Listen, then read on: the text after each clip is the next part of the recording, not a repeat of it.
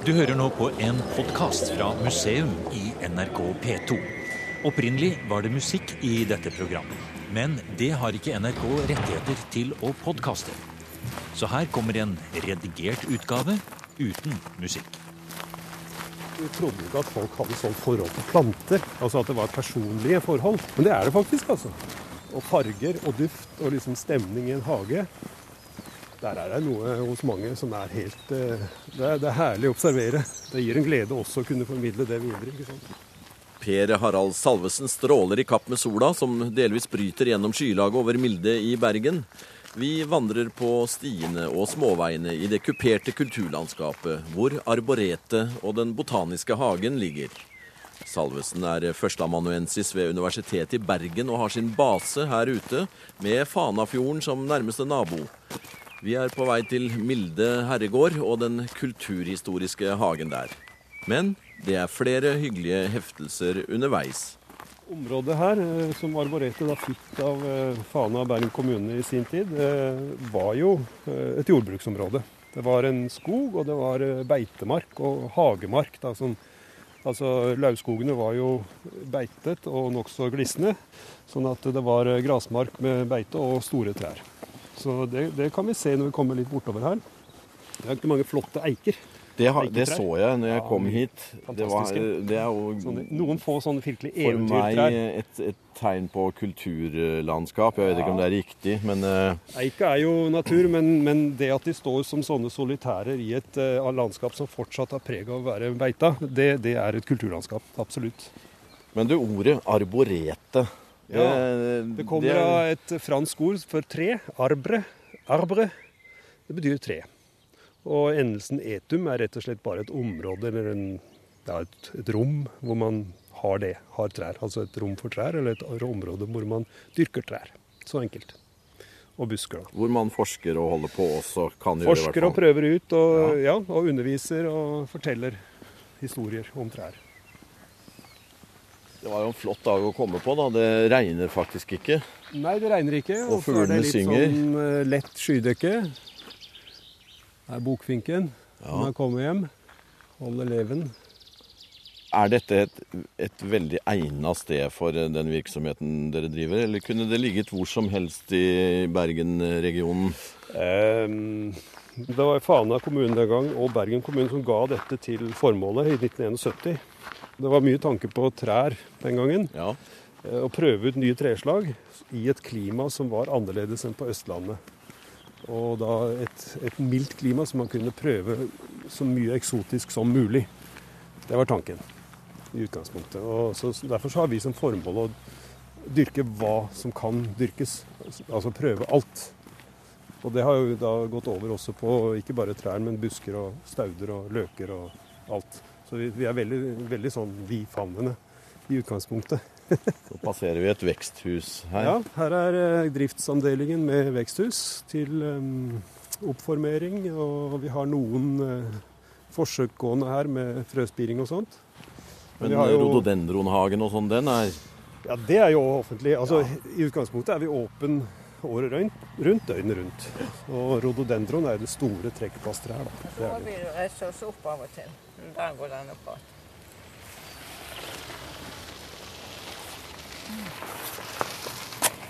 Der tror jeg det ser bra ut. Hva sier sjefen?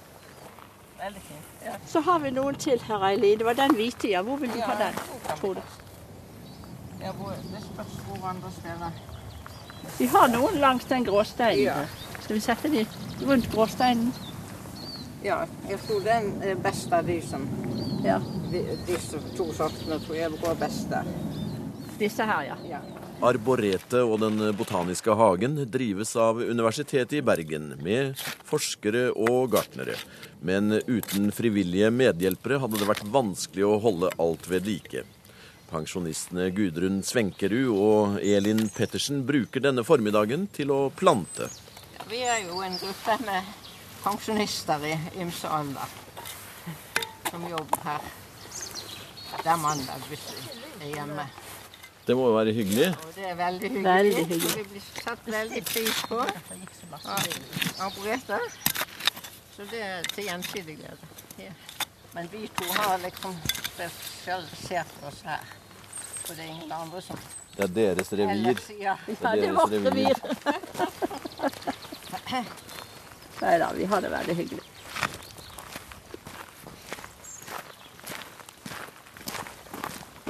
Ja, nå kommer vi ned til eh, Blondehuset, som de kaller det.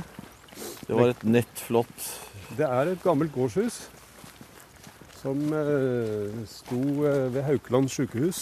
Da det skulle utvides, så måtte det rives. Og så da ble dette tatt ned i, i sine enkelte deler og tegnet av og bevart. Ja, jeg får nesten sånn Kardemommeby-følelse når jeg ser det. Ja.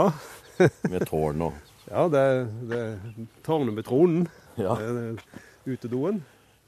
Så det her er Blondehushagen. Blondehushagen, ja. Her har vi jo mm, prøvd å lage en hage som skal stå i stil med huset. Og som skal vise planter som hørte til den tid hvor dette huset på en måte skal tas tilbake til. Altså før 1900 omtrent, har vi tenkt. Eh, Det er ikke så lett å vite akkurat hvor lang tid vi går tilbake i denne planteverdenen, men eh, folk kan huske, stort sett eldre folk, til før krigen. Det pleier å gå bra. Så, så vi prøver å ta inn planter fra gamle hager i omegnen. Eh, vise de fram og fortelle om de. Det er masse fantastiske historier. Så, mm, så sånn sett, her er vi da på museumsvirksomheten direkte. Eh, Vi har et motto for denne virksomheten, og det er eh, 'evig eies kun det delte'. Et kultur, kulturminne kan deles. Det er spesielt for vår virksomhet som museum. Det kan man ikke med gamle sverd eh, og, og, og vikinggull og sånt. Det, blir, det blir tull å dele det. Her er det en livslinje som pågår hele tiden. Ja, det er på en måte det det er. Og, og hvis man deler, så bevarer man. Skal vi se. Jeg tenkte jeg må vise deg en tulipan. Ja, absolutt. Ja, nå går på forsiden. Det er jo så flott her. altså det er... eh, Jeg ser jo etter hvert at det er ikke helt eh, Alt er ikke gjort av seg selv her. Nei, det er eh, ganske mye å holde. Så skjøtsel er et viktig, viktig, viktig område. Planter som museumsgjenstander også krever jo sitt. Det er eh, mer krevende vedlikeholdsmessig enn noe du kan konservere. Det vil jeg tro, ja. Du kan ikke konservere det, og da er det på en måte dødt og legges i herbariet. Det er Ja. greit. Men hvis vi skal holde det i hevd som kulturplante, så må det jo dyrkes og, deles og distribueres og gis vekk eller Ja, komme i og så skal omsetning vel eh, jordsmonnet være forskjellig fra plante til plante? Ja, ja, ja, det krever kunnskaper. Ja, det vil jeg tro. Men um, her har vi en som er lettere, da, for så vidt. Det er tulipan, som du ser her. En rad med foreløpig bare blad. Ja, men du ser nesten at det er Veldig kraftig, og det er noen knopper. Og um, dette er for så vidt litt forskjellige sorter, da, men de er funnet i gamle hager langs kysten hos oss. Og um, der begynte vi også å grave i materien, for vi så jo det at det var masse rare tulipaner. De var ikke like. Og så er det da en, eh, en kollega her som i sin familie har en gammel tulipan som er spesiell. Som man kaller farfars tulipan, og som, som er um, flerårig, går ikke ut, uh, kraftig rød og dufter. Uh, og blomstrer veldig sent. Og Så viser det seg at vi finner da sånne tulipaner nede på Sørlandet, uh, hvor hans familie stammer fra, for så vidt min også. Og Det var litt av det som var årsaken til at vi ble interessert. For det var en kollega i Kristiansand også. Vi begynte da å gå i lag langs med hagegjerdene og spørre og grave. Så viser det seg at vi finner en tulipan som foreløpig ikke er kjent i andre land eh, enn her. Vi vet ikke hva det er for noe. Og den har nå også fått den noe tvilsomme ære å bli døpt Tulipa norvegica Ja vel. av en franskmann. som da, den, Vi sendte den ned til Frankrike og andre steder for å prøve å få de til å finne ut hva det er for noe. Og Han ble så fascinert, han som da er eh, sjef for den franske nasjonalsamlingen og over tulipaner, at han beskrev den som en ny art. Det er det jo ikke. Det er ingen, dette er ikke en art, altså en biologisk Nei. oppstått i naturen. Dette er et land som er, står igjen etter gammel kultur. Det er et kulturminne og ikke en art i naturen. Men den er veldig interessant og veldig spesiell. Og veldig fin når den blomstrer. Og disse tulipanene her tror vi jo kommer fra handelen med Holland på kanskje 1600-, 1700-1800-tallet. Vet ikke helt det. Tulipanen kom jo til Europa ikke før øh, omkring 1600. Så noe særlig før det kan det jo ikke ha vært. Men de er i hvert fall kjent i noen hager som å være mer enn 100 år gamle i samme bed. Sånn at øh, de må være fra før 1900 øh, i disse hagene. Og da er vi egentlig kommet så langt tilbake at det begynner å bli vanskelig å finne helt Eh, vi tror kanskje at det er fra en tidlig 1800-talls innførsel. Museum er på besøk på Arboretet og i Den botaniske hagen på Milde i Bergen. Førsteamanuensis Per Harald Salvesen viser oss rundt i landskapet. Overalt er det trær, busker, stauder og blomster. Vi er på vei til hagen på Milde herregård. Salvesen har allerede vært litt inne på det. Botanikk i denne sammenheng er kulturhistorisk arbeid, og arboretet og hagen er et museum i ordets rette forstand, hevder han. Her var det en humle, gitt. Ja, det er noen store, tidlige humler som er ute og Det hele begynte jo med å dyrke planter. Eh, selve ordet kultur kommer av eh, det latinske verbet 'colere', som betyr å snu på jorda. Altså fløye. og det er jo der det begynner. Det er det som er kultur. Eh, hvis ikke folk hadde begynt å bosette seg rundt dyrkingsfeltene sine for planter, så hadde det ikke blitt noe kultur.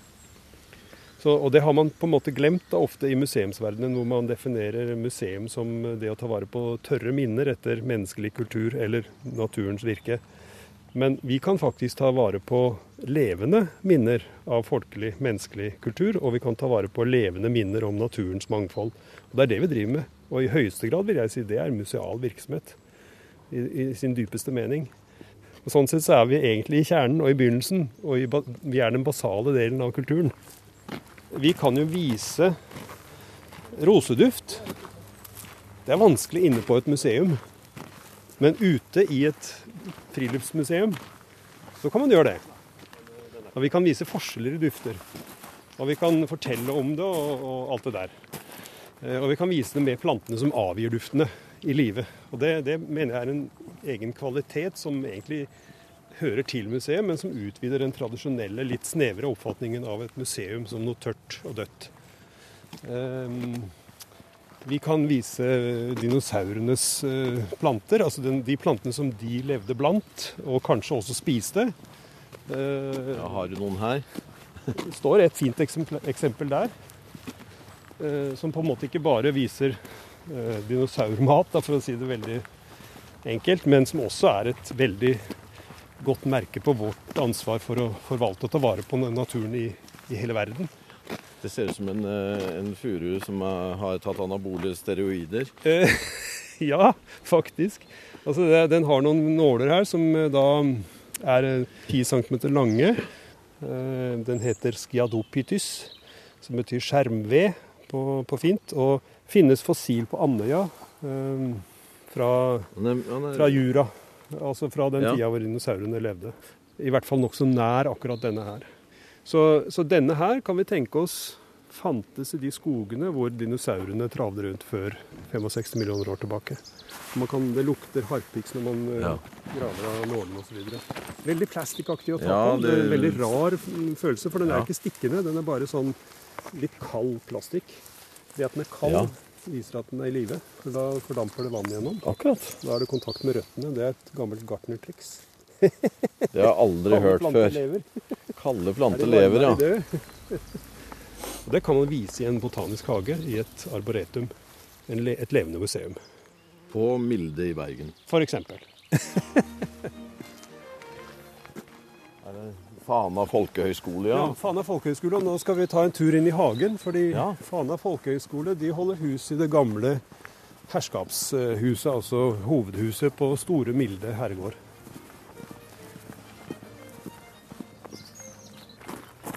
Hvor gammel er gården? Det vet vi ikke helt, men eh, det er funnet rester av korndyrking tilbake til år 200 før Kristus. Ja vel. Etter det jeg har fått lest meg til. Garden er jo nevnt i veldig tidlige kilder, da. Og var um, Under reformasjonen, eh, tumultene som var her, så ble klosteret på Holmen da, til Svartebrødrene, som det kaltes.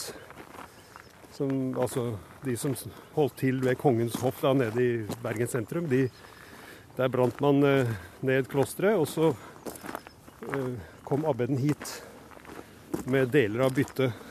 Så han Vincents lunge og abbeden, eh, prioren her, de delte byttet, og så ble abbeden satt hit.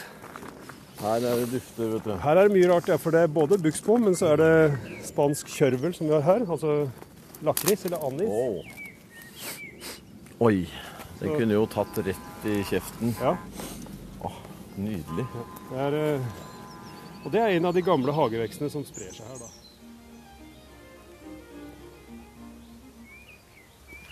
Et langt, Et langt hus, ja. lavt, og, men eh, langt. Og det er med mye av de originale vinduene. Og inne så er det originaltapeter og sånt fra 1600-1700-tallet. Og når vi snur oss utover og ser utover hagen, så er jo det antagelig originale parterret eh, fra ca. 1680-årene, kanskje. Ja vel. Med de originale buskene som står her enda. Den største busken her er da to meter og eh, fem rundt stammen. Oi.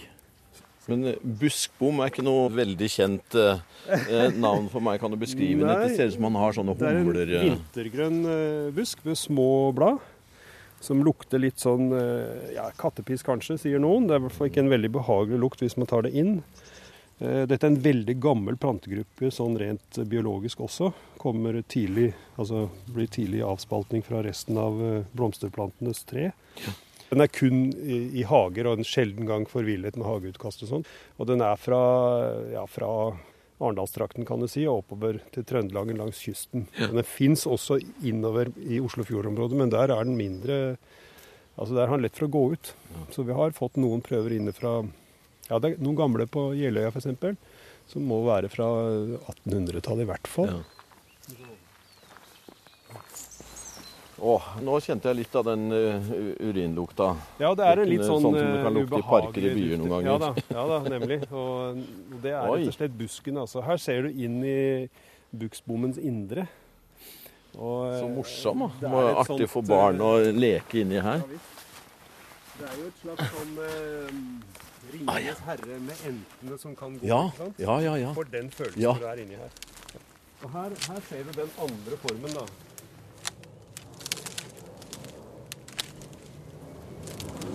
Vi har reist rundt og prøvd å samle det vi kan finne av buksbom i Norge.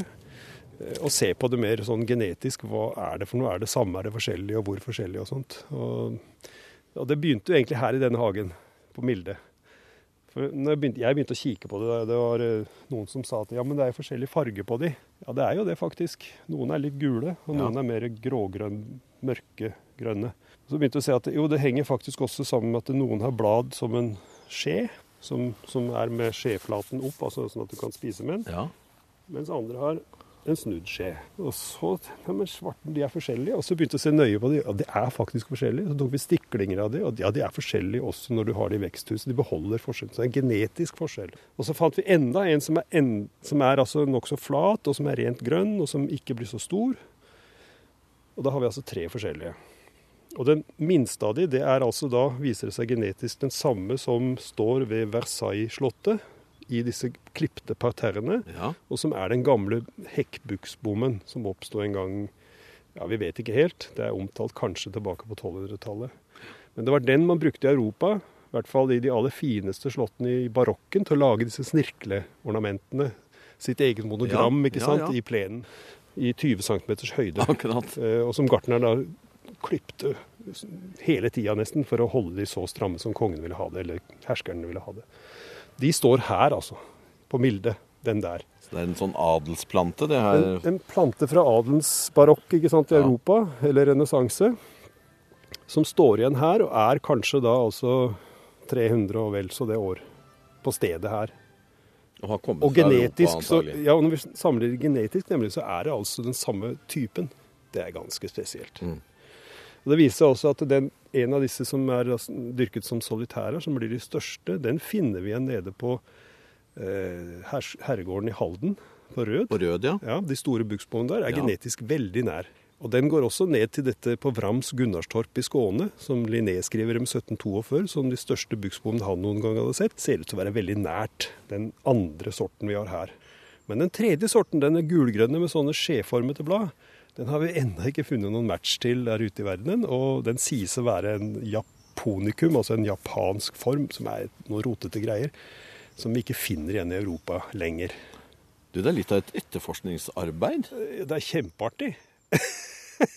Men det, er altså, det begynner med at det er jo historie, det er, det er, det er en- mange fag involvert. Ja, det er jo klart det er. Det blir jo det. Det blir liksom nokså altomfattende og altoppslukende, da. Det er jo det. Så jeg skulle gjerne hatt mer tid til det.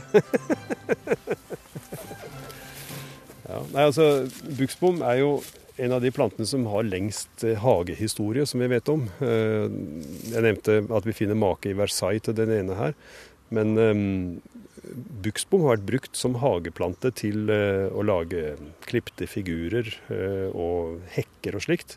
eh, tilbake i romertid, og kanskje mye før det òg. I hvert fall så nevner Plinius den yngre at han ved sin villa hadde sånne fancy klipte figurer. Eh, Og han hadde hekker av buksbom og andre vekster, men særlig buksbom er nevnt. Så Det visste man om og hadde som kultur. Så den, den kulturen som oppsto i renessansen med disse klipte hekkene og, og labyrinter og sånt med bruk av buksbom, det er egentlig en romersk tradisjon som ble tatt opp igjen da, av italienerne på 1300-1400-tallet. Og som spredde seg over Europa og kom hit Til Milde. til Milde, og sitter her som en rest av renessansen, ikke sant? Det er fantastisk. De hadde ikke flymaskiner den gangen. Nei, men de kjøpte gartnere oppover. Vi har forlatt Milde herregård og den kulturhistorisk viktige hagen med buksbom, og er nå i Rosehagen. Som førsteamanuensis Per Harald Salvesen nettopp sa, har vi opp gjennom tidene importert gartnere fra Europa. Og det skjer fortsatt. Franske Daniel Ducron pleier Rosehagen på Arboretet i Bergen. Så det er en postkasse, ja. Ja, og her har du noen brosjyrer Rosarie. Vil du ha en brosjyre med deg? Ja, det får Da skal vi finne en brosjyr til deg. Og her ser du at eh, du har kart over hele området. Vi står eh, Ja, så du får full bruksanvisning Ja, til området. Og eh, hvis du går rundt, så du vil kunne se mange franske roser. Og det er mange som tror at det er pga. meg, og det, det er ikke helt, helt sant. Det er noen historiske årsaker. For i begynnelsen av eh, 1800-tall så kom de første rosene fra Kina. Og de var virkelig en stor revolusjon. Fordi eh, de innførte noe som var ukjent før. For eksempel, noen var knallrøde. Det var helt ukjent før. Noen uh, klatrer. Klatreroser var ukjent fra den tiden. Og sist, men ikke minst, kinesiske roser de har evnen til å gjenblomstre, til å remontere. Ah, ja, Så når de første kinesiske roser kom til Europa, så det ble veldig, veldig viktig. akkurat. Men poenget var at eh, det var engelskmennene som hadde kontroll over de syv hav. Så de bare dro til Kina for å hente nye planter hele tiden. hele tiden. Men franskmennene hadde ikke den anledning til å gjøre det. Ikke minst pga. napoleonskrigen. Da måtte de, eh, Siden de kunne ikke reise til Kina for å hente nye planter, så måtte de foredle plantene sjøl.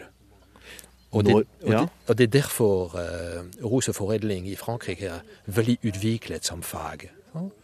Nettopp fordi man kunne ikke hente varer hos andre. Er du bare spesialist på roser, eller er du allmenngartner også? Eller er rosene som er Ja, det er roser som er eh, min eh, interesse, kan du si. Men eh, du vet, verden er spennende, så hvis du tar, hvis du tar en element Enten det skulle være jeg vet ikke, tobakk eller bomull eller salt eller hva det skulle være, så, og begynner å studere hva som har skjedd rundt, så er det veldig spennende. Så. Det er det samme med roser. Så. skal vi spade jorden. Et godt hull. et grep? Og de skal ha de skal ha et uh, dypt, uh, dypt hull. Tilbake til førsteamanuensis Per Harald Salvesen ved Universitetet i Bergen, og tilbake til Milde herregård, som ligger i randsonen av det området arboretet forvalter. Også her er det en roseskatt. Jeg regner med at du har saumfart alt som er her. Kan, kan det være noe du ennå Her kan det sikkert dukke opp en til. Altså jeg vi fant jo ei rose som vi ikke visste om. Man hadde sett at det var en busk her, men hadde ikke tenkt på det. Den som står der. Ja. Det er en, eh, en rose som vi kaller milderosa. Da. eh, Som eh, er den eneste vi vet om i landet i en gammel hage. Og Det er en nokså sjelden rose ellers i verden òg. Den finnes beskrevet i England og noen ganger nevnt i fransk og tysk litteratur. Men vi visste ikke at vi hadde den i Norge. Men den står jo der uten videre. Hvordan tar dere vare på den da? Ja, For er tatt- viktig, den er viktig Ja, å bevare. Den er viktig å bevare, ja. Det er en sånn spesimen, og den har vi tatt eh, avlegger av. Altså stammestiklinger, rett og slett, som slår rot. Så den har vi nede i Rosaria nå. Kan vise fram. Og Da kan vi stille den ut sammen med de andre, så da kan man lett se at den er annerledes enn de den ligner mest på. Ja. Så, så så må generasjonene videre gjøre det samme, da? Det er det som er utfordringen. Å få dette til å gå videre, det er ikke så lett, nei. Det, det er eh, riktig. Du har nå hørt programmet Museum fra NRK P2 i en versjon uten musikk. Museum sendes hver lørdag klokken 16 og på søndag morgen klokken 8 i P2. Adressen er museum.krøllalfa.nrk.no, og museum er nå også på Facebook.